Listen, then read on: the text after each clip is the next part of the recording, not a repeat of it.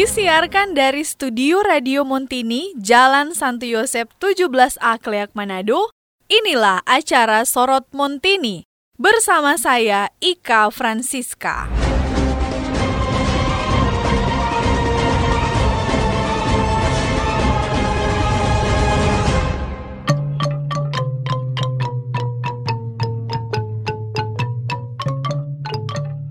Minggu esok sejak pagi dipastikan jalur lalu lintas arah Minahasa Induk termasuk Wanua-Wanua yang tergabung dalam wilayah teritorial Minahasa Induk ramai dan padat merayap. Apa pasal? Dalam agenda budaya tahun ini, esok adalah hari pengucapan syukur masyarakat Minahasa Induk. Nah, Sobat Montini, menemani Anda yang sedang sibuk dengan persiapan perhelatan esok atau Anda yang sedang menyusun jadwal pesiar pengucapan, mari kita soroti bersama apa dan bagaimana pengucapan syukur itu. Menelusuri beberapa sumber, redaksi Sorot menemukan sebuah keterangan terkait tradisi pengucapan syukur di Minahasa. Disebutkan, kata asli Minahasa yang merujuk pada pengucapan syukur itu adalah rumages. Terjemahan kata rumages dalam bahasa Indonesia adalah memberi persembahan. Dalam hal ini dimaksudkan memberi persembahan kepada Sang Opo Empung, Tuhan langit dan bumi. Dalam juga ya pemahamannya, dicatat bahwa tradisi rumages ini digelar setiap usai masa panen raya pada setiap tahunnya. Sejatinya, inilah bentuk syukur dan terima kasih kepada Empung Wailan Wangko atas berkat panen melimpah tersebut. Wah, jadi kepanjangan nih penjelasan awalnya. Supaya tambah kuat pesannya, kita simak dulu refleksi Pastor Stephen berikut ini. Sobat Mintini, apa yang langsung terbayang di benak Anda ketika mendengar kata pengucapan syukur, makan, minum, dodol, nasi jahat, ramai, kumpul-kumpul, pulang kampung, atau macet. Saya yakin salah satu dari yang sudah disebut tadi pasti muncul dalam benak Anda. Tapi apa pengucapan syukur sekedar acara makan sampai lelah dan minum sampai mabuk atau sekedar kesempatan menggelar keramaian massal yang memacetkan jalan berjam-jam atau sekedar kumpul-kumpul makan dodol dan nasi jahat. Sobat Mutini, pengucapan syukur adalah sebuah ungkapan pengakuan akan kehadiran dan keterlibatan yang ilahi dalam hidup kita manusia. Mestinya ucap syukur itu tidak perlu tanggal tertentu tapi setiap hari kita harus bersyukur secara sederhana. Sobat Mutini, kalau ucap syukur tidak perlu waktu khusus atau hari tertentu, apakah kalau begitu pesta pengucapan syukur itu tidak perlu dan harus dihapuskan? Aha, sabar dulu. Sebagai satu pesta kebersamaan dan persaudaraan, pengucapan syukur tetaplah relevan keluarga-keluarga mengungkapkan kegembiraan bersama atas berkat dari yang ilahi. Kesatuan dan persahabatan antar manusia terungkap dalam suasana saling berkunjung satu sama lain. Nah Sobat Mungkin, pengucapan syukur itu memiliki nilai-nilai yang luar biasa. Yang penting bukan ajang pajang gengsi dan materi, juga bukan kesempatan berhura-hura dan menghambur duit. Mari mengucap syukur dengan bijak. Ungkapkan nilai luhur nenek moyang kita, saling membantu, saling bersaudara satu sama lain.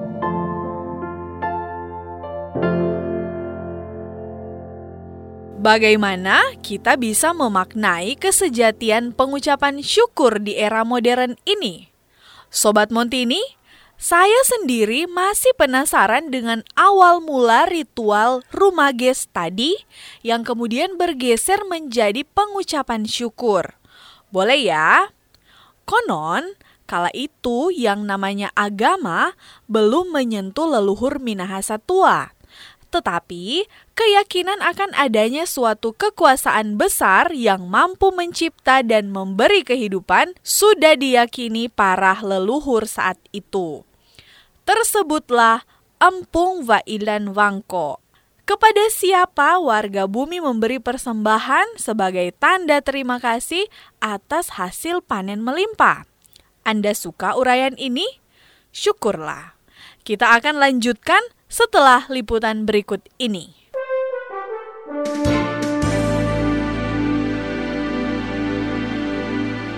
Sobat Muntini, Polres Minahasa akan menyiapkan rekayasa lalu lintas saat pengucapan syukur di Kabupaten Minahasa pada minggu esok 23 Juli 2017.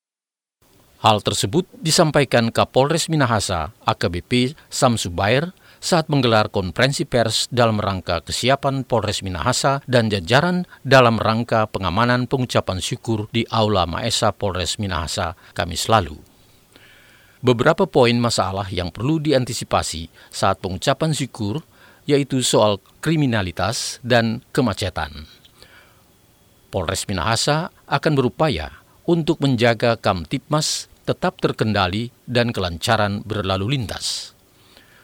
Wilayah Polres Minahasa yang melaksanakan pengucapan syukur ada 194 desa.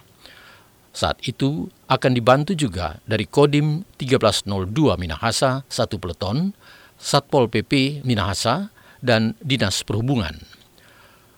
Kasat Lantas Polres Minahasa AKP Rudi Repi menjelaskan jalur dari Tomohon ke Tondano melalui Tata Aran hanya diberlakukan satu jalur saja. Selain itu, ada beberapa lokasi yang diminta sebagai tempat parkir, semisal halaman gereja, sekolah, dan lahan kosong untuk warga. Untuk kendaraan yang parkir di pinggir jalan akan diderek, dipindah paksa, ataupun dikempeskan banyak. Sementara itu, di dalam kota akan diberikan jalur memutar dari perampatan Boulevard mengarah ke Unima dan memutar ke arah Tata Aran. Beberapa jalur keluar juga disiapkan oleh Polres Minahasa misalnya melalui Rurukan, Kembes, dan Tanggari. Liputan ini disunting dari tribunmanado.co.id. Saya Leksi mengundap untuk Sorot Montini.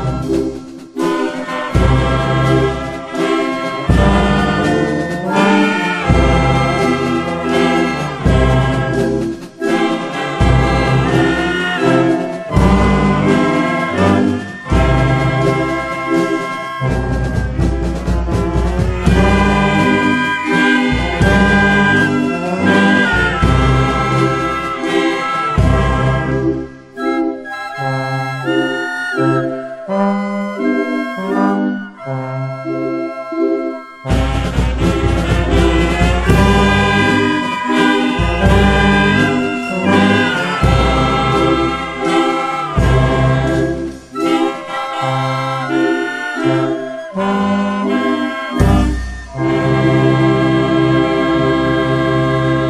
kan, bisa dibayangkan betapa antusiasnya masyarakat menyambut pengucapan syukur. Baik mereka yang menjadi tuan rumah pesta maupun tamu-tamu yang berkunjung untuk ikut merayakannya. Nah, kita teruskan lagi menengok sejarah pengucapan syukur di Minahasa dari zaman para leluhur hingga di kekinian. Konon, bentuk pemberian persembahan di zaman dulu itu dalam bentuk weweteng atau sesajian untuk menghormati arwah nenek moyang. Biasanya, beras dari padi baru dimasak dan disisihkan untuk menjadi weweteng, zezeta, atau sesajen. Diutamakan dari padi hasil panen pertama. Juga nasi yang dimasak dalam bambu yang ditujukan untuk sang empung wailan. Sudah itu, disiapkan pula rarages dalam bentuk hewan sembelihan dari ternak pilihan, seperti ayam atau yang lainnya. Ritual persembahan itu lazimnya dilakukan pada subuh menjelang pagi sebagai simbol menyongsong hari baru dengan semangat baru. Nanti menjelang siang harinya, pintu-pintu rumah terbuka bagi kerabat dan masyarakat dari kampung lain untuk bertamu dan makan bersama pemilik rumah yang sedang bersyukur itu. Ini bagian dari ungkapan kasih kepada sesama. Nah, boleh jadi yang berkembang sampai saat ini adalah tradisi open house-nya Sobat Montini. Betul? Terus, yang lainnya di mana? Bincang-bincang romansa berikut ini mudah-mudahan lebih menegaskan lagi apa itu pengucapan syukur masyarakat Minahasa modern. Silahkan disimak. Ya, satu kesempatan yang begitu luar biasa karena pada saat ini untuk tema Sorot Montini kita pada edisi ini tentang budaya pengucapan syukur kita bisa menghadirkan tamu yang begitu istimewa uh, bersama dengan Prof. Dr. Vinci Waro. Beliau juga merupakan uh, pembawa acara tetap untuk acara uh, wellness care untuk Radio Montini. Nah, suatu uh, kesempatan yang begitu bagus, Prof. Uh, bisa sempat untuk bertanya-tanya kepada Prof untuk uh, tema tentang uh, budaya pengucapan syukur itu. Nah, Prof, jikalau ada orang yang tentunya belum uh, baru saja tiba di daerah Minahasa dan melihat uh, praktek budaya yang terjadi terlebih khusus mengenai budaya pengucapan syukur itu tentunya kan akan bertanya-tanya sebenarnya uh, apa persisnya budaya pengucapan syukur itu? Bagaimana menurut provinsi? Betul. Jadi saya mengalami waktu saya masih kecil. Pada waktu itu kakek saya adalah tokoh-tokoh masyarakat dan selalu kita kembali ke kampung kakek saya di Tewasen, Kemurang. Iya. Nah, saya selalu diajak mari kita ke pengucapan syukur. Nah, saya berpikir bagaimana itu? Memang ternyata itu dimulai dengan kegiatan kita mensyukuri Tuhan atas segala berkat yang diberikan Tuhan untuk hasil pertanian. Iya. Dan pada waktu itu yang saya tahu di desa itu ada dua gereja yang menonjol, gereja Protestan Gemim dan Pantai Costa. Dan di situ kita bisa melihat bahwa mereka berkumpul di gereja. Kebaktian sesudah itu makan bersama di satu meja yang panjang atau berapa meja panjang alas daun dan dengan makanan-makanan tradisional sekali. Dan itu saya kira sangat menyenangkan karena apa? Kita betul-betul mensyukuri Tuhan dengan habis berdoa ada sambutan-sambutan yang diberikan oleh tokoh-tokoh di kampung, tetua-tetua kampung dan banyak. Baru kita makan. Nah, kita makan itu dengan memang gaya yang menyenangkan sekali di atas daun, pakai iya. tangan, yang semua dimasak di bambu di bulu terus semua hampir semua di bulu des. Tuh posanam tuh pangit dan itu makanan-makanan khas yang ada di Minahasa ya. Iya. tidak ada sesuatu dan pada waktu itu mohon maaf hampir tidak ada alkohol saya lihat. Hanya iya. ada saguer ya itu ada saya lihat dan ada air dan diminumnya sebagian di mana? Di bambu Nah itu memang menyenangkan. Nah di situ kita bisa melihat. Nah kemudian saya merantau.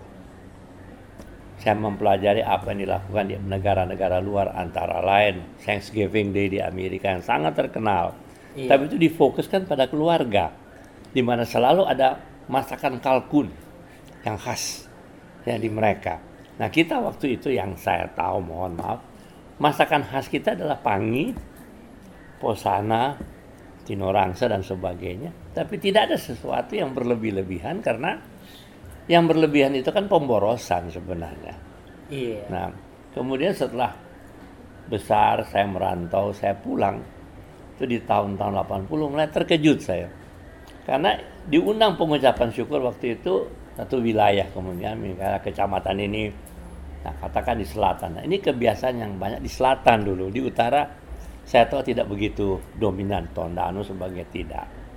Nah, kemudian berkembang berkembang jadi menjadi satu hal yang saya kira penuh kompetitif Iya. kompetitif yaitu masing-masing undang sebanyak mungkin teman, tapi maaf saja itu dengan latar belakangnya justru bukan oleh petaninya, tapi oleh masyarakat dengan sorry mohon maaf bau utang.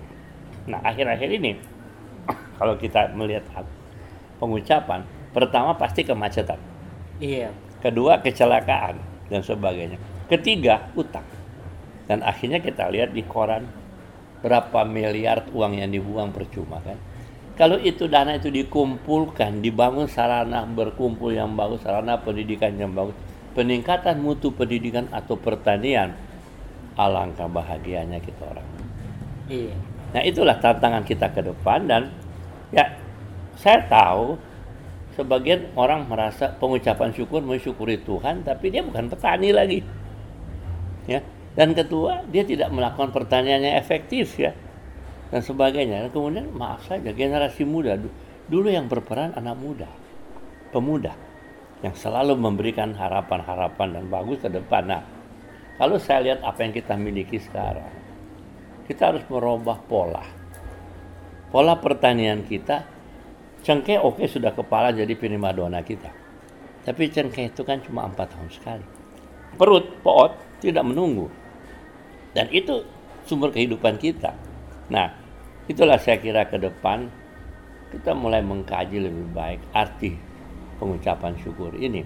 Supaya betul-betul kita mensyukur, itu kan mulai dari kegiatan di gereja dulu kan Iya. bak kumpul, makan di meja papang tapi alas daun gitu.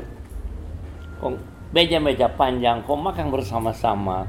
Dan itu suasana yang memang menyenangkan. Tapi sekarang saya lihat ya makin banyak tamu yang datang dan segala macam. Itu berkira suatu pemborosan dan kalau kita hitung dengan nilai uang ergonometrik ya dari Iya, nilai ekonomi. Kan sayang, kita boleh bikin banyak yang lebih bagus. Jiwanya itu kita kembalikan ke jiwa mapalus, kebersamaan mensyukuri Tuhan. Cuma yang terjadi sih mohon maaf pemborosan. Iya. Akibat pemborosan juga utang tuh banyak. Tapi kan, kan teman-teman suka bercerita orang Manado hebat. Kalau makan nomor satu.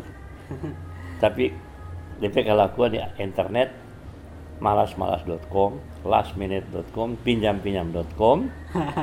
Kong semua sekarang akhirnya sebentar kita lihat di desa-desa kita terjadi transformasi sosial. Ini pengalaman negatif. Iya. Kalau pengucapan syukur, orang di rumah sakit setengah mati. Oke, mulai jam 11 siang sampai di esok pagi, itu orang kena stroke, darah tinggi, segala macam. Sehingga UGD nak mungkin cuma 100 200 orang.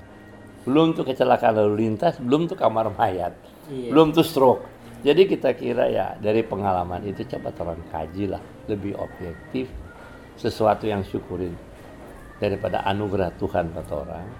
Sesuatu yang kita punya pengalaman dulu, itu kalau boleh orang kembali ke situ. Nah, Prof, eh, yang penting juga barangkali yang bisa kita sharekan kepada pendengar Sobat Montini sekalian eh, dari beberapa uraian yang telah kita paparkan dan Sobat Montini telah dengar, tentunya eh, akan muncul ya pertanyaan yang lebih lanjut tentang kalau begitu lantas ya eh, apa nilai atau pembelajaran yang boleh kita petik untuk semakin apakah memotivasi hidup kita atau membuat kita lebih uh, memiliki hidup yang berkualitas. Jadi apa persisnya nilai dari budaya pengucapan syukur itu untuk pertanyaan yang bagus. Orang Padang yang sudah sukses di mana-mana pernah banyak kali seminar tentang membangun kampung halaman dengan gerakan seribu Minang. Iya. Dengan sumbangan uang yang mereka dapat seribu rupiah dikumpul-kumpul mereka membangun kampung halaman dan dengan membangun budaya mereka. Nah, kalau kita lihat orang Padang di mana-mana ada rumah makan, tapi di mana-mana ada sumbangan positif untuk kampung halaman. Saudara-saudara kita di Sulawesi Selatan telah beberapa kali melakukan seminar budaya budaya siri dia kembangkan dengan teknologi baru dengan jiwa kebersamaan dari mereka. Nah kita pun saya kira untuk melihat dinamika yang maju ini alangkah baiknya kita mulai mikirkan sebab yang saya tahu dulu mohon maaf itu pengucapan syukur kok banyak di selatan kan di utara hampir tidak ada. Iya. Tapi sekarang hampir seluruh Minahasa yang bikin. Tapi di acara bukan gotong royong, jor-joran tak bilang. Sebab mesti undang banyak orang, makan segala macam, jalan-jalan jadi macet, memang menyenangkan, rame. Tapi pertanyaan saya, perkembangan yang saya lihat dengan daerah lain, sorry kalau saya katakan, di sisi lain kita maju, tapi banyak hal kita tertinggal di income per kapita. Memang kemarin saya baca menyenangkan, masyarakat miskin kita relatif berkurang dengan statistik nasional. Tapi bukan cuma itu kan, Iya. Orang kita tuh banyak hebat, tapi banyak juga yang orang bilang pope, ya. Nah, coba orang pikirkan, orang orang Mongol, tapi dasar. Orang Mongol itu paling orang pintar-pintar dan semangat, dan penjajuan yang semangat berkelahi. Tapi dia mesti arahkan ke sesuatu yang positif. Dan sekarang, barangkali orang tidak tahu, makna ekonomi yang berkembang Cina sekarang. Dengan filosofi yang mereka lakukan, itu adalah bagaimana mereka mengembangkan itu jalur sutra. Mereka bisa membuat saluran jalan-jalan raya yang hebat di bawah tanah, di bawah sungai dan sebagainya yang mengalahkan Barat. Kereta api Cina di tahun 2005 nggak dianggap orang Barat. Sekarang mereka kagum. Prancis punya TCV, Jepara punya Shinkansen, tapi Cina punya kereta api yang terbaik sekarang. Dan semua contoh dan teknologi dan mereka itu sekarang tidak ada orang Cina yang keluar cari pekerjaan, malah bikin pekerjaan gitu. Iya. Nah, beberapa konglomerat dunia, kemarin saya kaget, saya di Eropa. Deutsche Bank dibeli oleh konglomerat Cina yang dulu notabene komunis. Gitu. Saya kaget, menakjubkan. Begitu pula dengan Yongma yang terkenal sekarang sebagai motivator yang mengangkat maju. Nah, kenapa tidak kita ambil pengalaman dari situ? Dan segi positifnya, kalau mau kembali pada kita, rembuk bicara, mapalus. Bagaimana orang mengatur itu? Dan ada satu yang mohon maaf, banyak teman-teman bilang. Komunikasi generasi muda tidak merespek generasi tua. Misalnya, DP Om cuma panggil, halo, Endi, di daerah-daerah lain nggak pernah ada. Paman, kakak, abang, Nah di dunia barat pun begitu. Kalau dia berbicara kita tahu di level mana dan pernah saya mendapat laporan beberapa orang Indonesia yang sok pinter, sok jago dikeluarkan dari Inggris karena tata kerama berkomunikasi. Iya. Bukannya pinter. Nah inilah tantangan kita. Maaf saja kalau barangkali bukan saya tidak senang dengan kumpul-kumpul. Tapi di dunia yang memerlukan efektivitas ekonomi dan sebagainya kita perlu membangun daerah yang begini kaya secara alamiah, tapi gersang dan miskin karena apa? Bayangin tuh kalau apa 80 meter, ya tuh utang makin habis. Nah, sebentar terusnya ada air dan sebagainya. Mau di mana orang? Iya bro, bagaimana agar kita dapat memelihara uh, dan kemudian kembalikan lagi, mengembalikan lagi nilai asli dari praktek uh, budaya pengucapan syukur itu. Mapalus adalah satu keadaan yang kita warisi dari dulu. Iya. Dan itu kalau kita orang kembangkan, kembangkan secara ilmiah dan secara budaya akan orang dapat DP asih, DP akhir. Cuma itu harus terus karena apa? Sederhana ya. Bill Gates semua orang tahu dia orang terkaya di dunia karena IT. Iya. Dia mengatakan kalau kau terlahir miskin itu bukan kesalahan. Tapi kalau kau mati miskin, nah itu kesalahan. Nah, kita lihat sendiri ya sekarang bagaimana kita menghadapi kehidupan. Telah ada satu perbedaan kawanua yang lama di luar dan kawanua yang di sini. Yaitu kawanua yang di luar lebih banyak outbreeding, keluar belajar dari orang lain. Sehingga kalau mereka mau berhasil itu saya dapatkan antara lain pada waktu Komandan Korem di sini adalah almarhum Chris Masoni. Beliau melihat waktu beliau sekolah kebetulan angkatan-angkatan saya dan ke bawah. Masuk akabri itu cukup banyak di atas 10 dan selalu ada prestasi dan ternyata mereka-mereka sekarang yang leading person loh. Hmm. Paling kurang general bintang 2, ada bintang 1 dan semuanya kedudukan. Nah, tapi pada waktu itu boleh lihat kok makin kurang di mana? Mentality. Kepribadian, daya tahan, endurance. Ini semua karena apa? Beda Mapalus dulu orang Pikobong kebanyakan tua muda, sekarang kurang tua tua.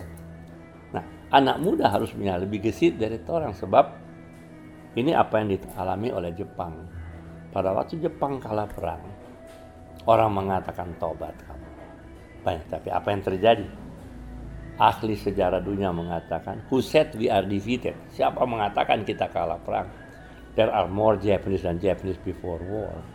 Dan ternyata Sesudah lima tahun dia kalah, dia mulai banjiri lagi dan Toyota dan semua dan dia kuasai itu dunia sekarang ya. Sekarang Cina mulai masuk. Nah, itulah saya katakan apa yang Anda tanyakan pada saya. Orang bukan orang bodoh, cuma orang malas. Gampang. Kalau dulu cukup SD, SMP, SMA, sekarang kalau boleh cari dokter berusaha orang bukan malas ternyata hebat cuma setajam tampi yang mau kurebe cari kadera. Baktikan pe ilmu dan itu mesti banyak dan ini kehebatan Cina sekarang. Cina punya banyak teknisi. Dari informasi yang saya tahu dari kawan-kawan dekat dan dia juga besan saya yang mantan sih yang pernah berapa kali berkunjung ke Cina. Kenapa mereka maju? Teknokrat-teknokrat yang paling banyak mendominasi pembangunan Cina. Insinyur-insinyur dan sebagainya. Karena mereka berpikir secara aktif, secara pas, konkret, bagaimana mereka akan maju. Dan orang pun harus begitu, karena ada di depan komputer kan. Sekarang Anda pakai komputer, besok so lain, lusa so lain. Nah, 10 tahun yang lalu, kalau Anda beli komputer, laptop, Anda jual seminggu kemudian harga masih tinggi. Kalau Anda di Jakarta sekarang, di mana saja, Mangga Dua dan mana, beli laptop beli pe jual. So turun sekali karena so tahu so ada yang baru kan? Iya. nah itu seorang pe tantangan. Kenapa?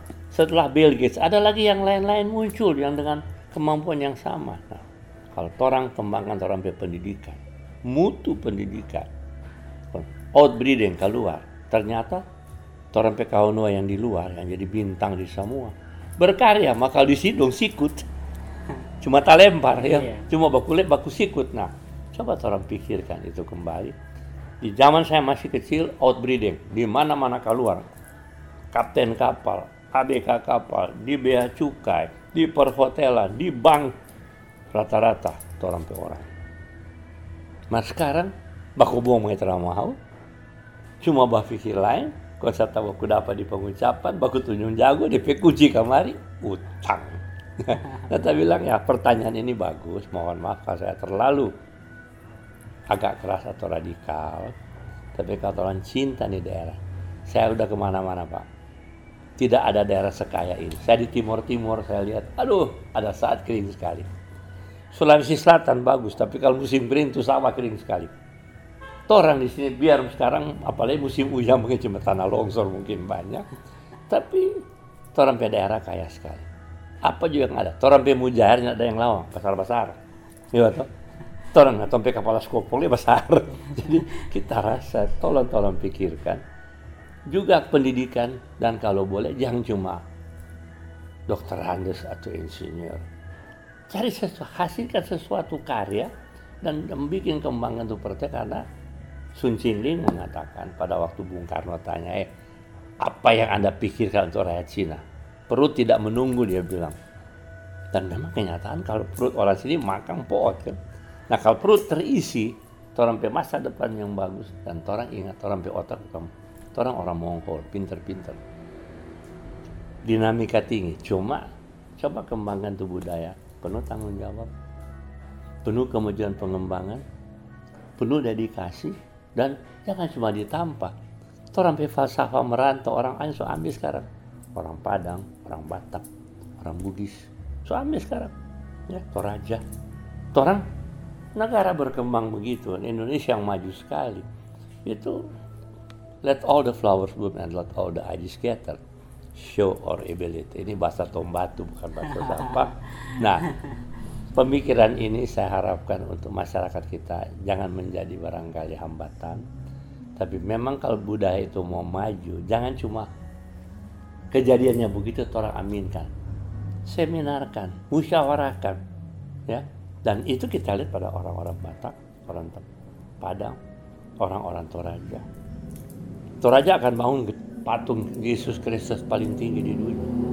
Airport internasional yang akan mengalahkan Makassar. Karena dia punya konstituen budaya yang bagus sekali. Ya Toraja. Nah orang punya sebenarnya manusia yang hebat. Yang orang alam yang kaya yang bagus dan sangat menyenangkan.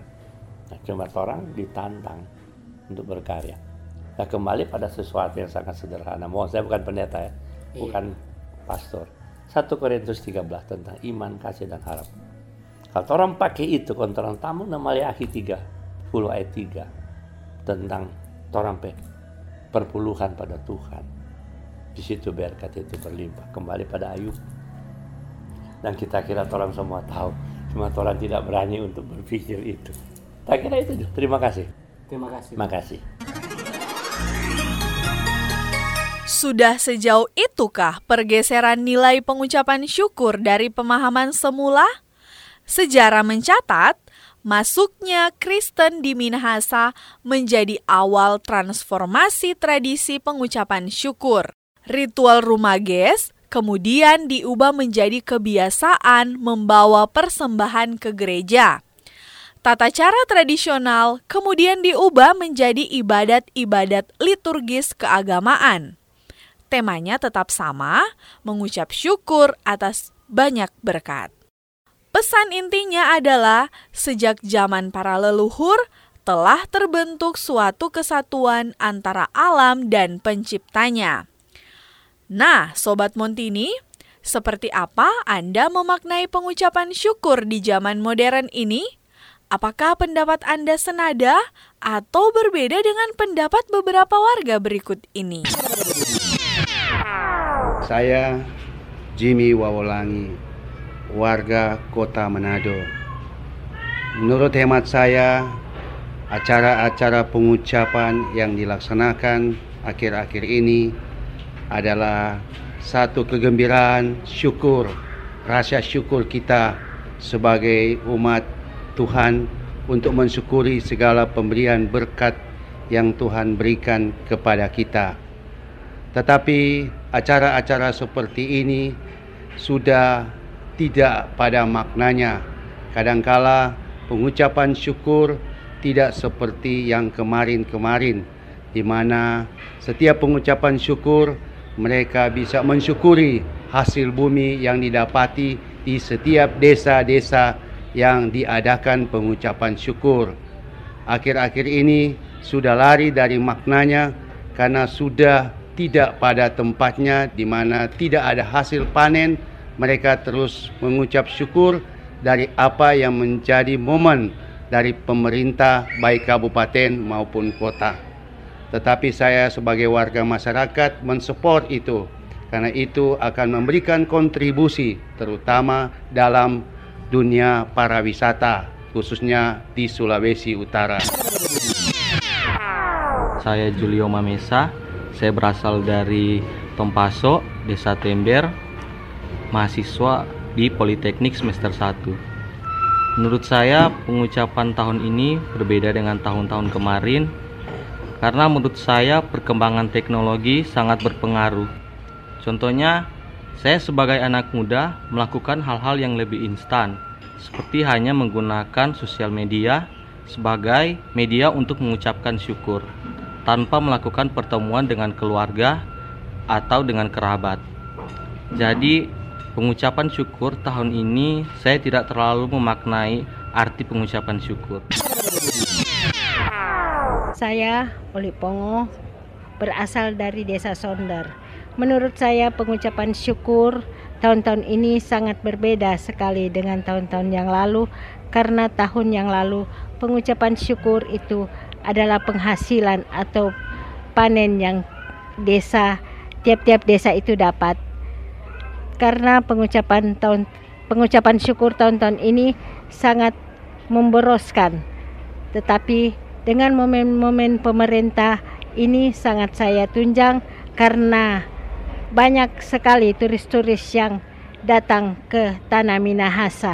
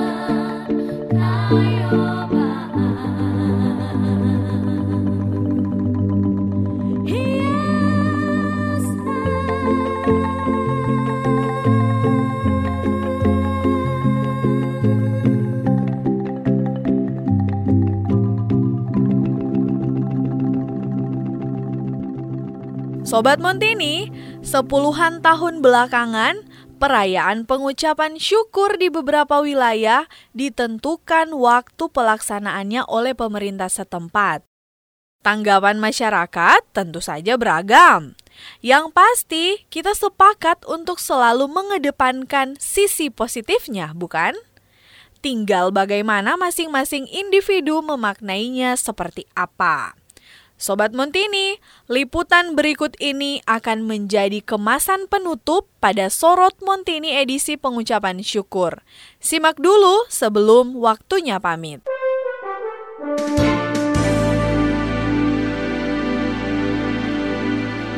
Sobat Montini, tradisi pengucapan syukur di Minahasa juga identik dengan kuliner ekstrimnya. Selain tikus ekor putih, Ular patola yaki juga menjadi salah satu jenis hewan yang masih diburu untuk dikonsumsi pada perayaan syukur ini. Padahal, yaki sekarang sudah menjadi hewan endemik yang dilindungi keberadaannya yang nyaris punah. Hingga tahun 2013 lalu, tersisa sekitar 5.000 ekor. 2.000 di antaranya berada di cagar alam Tangkoko Batu Putih, Sulawesi Utara. Hal ini menjadi satu keprihatinan dari Kepala Dinas Pariwisata Kota Bitung, Rita Tumewu. Sebagai Kepala Dinas Pariwisata, saya prihatin sekaligus malu. Saya malu karena kita sendiri yang punya aset itu tidak tahu masalah Yaki Pantamera. Sementara itu aset kita loh. Jadi bagaimana kita tertantang untuk melihat lebih dekat mengenal lebih dalam lagi mengenai Yaki Pantamera Ayo malu dengan uh, wisatawan mancanegara yang sudah lebih banyak tahu mengenai aset kita sendiri. Demikian Rita Tumewu. Mari kita rayakan pengucapan syukur dengan tidak memusnahkan satwa langka di bumi nyur melambai ini. Ayo, selamatkan Yaki. Saya Lexi Mangundap untuk Sorot Muntini.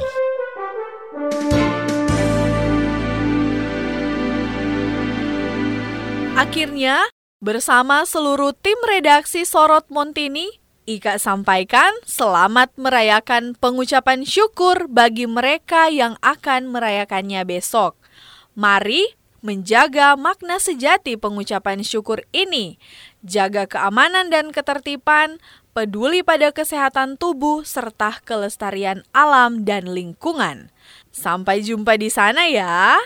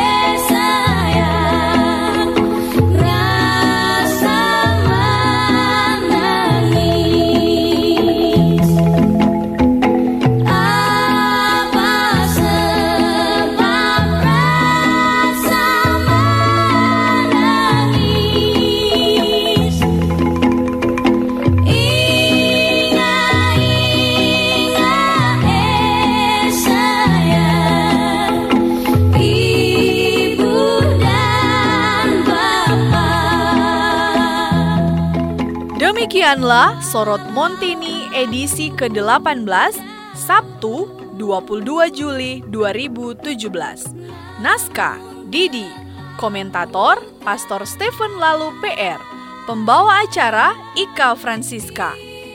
Tim redaksi Romansa, Ricard, William Suntama, Gusti Abo, Lavenia. Teknik dan montase Didi Alberto. Pengarah produksi Lexi Mangundap. Penanggung jawab produksi Pastor Stephen Lalu PR. Acara ini diproduksi oleh Radio Montini 106 FM.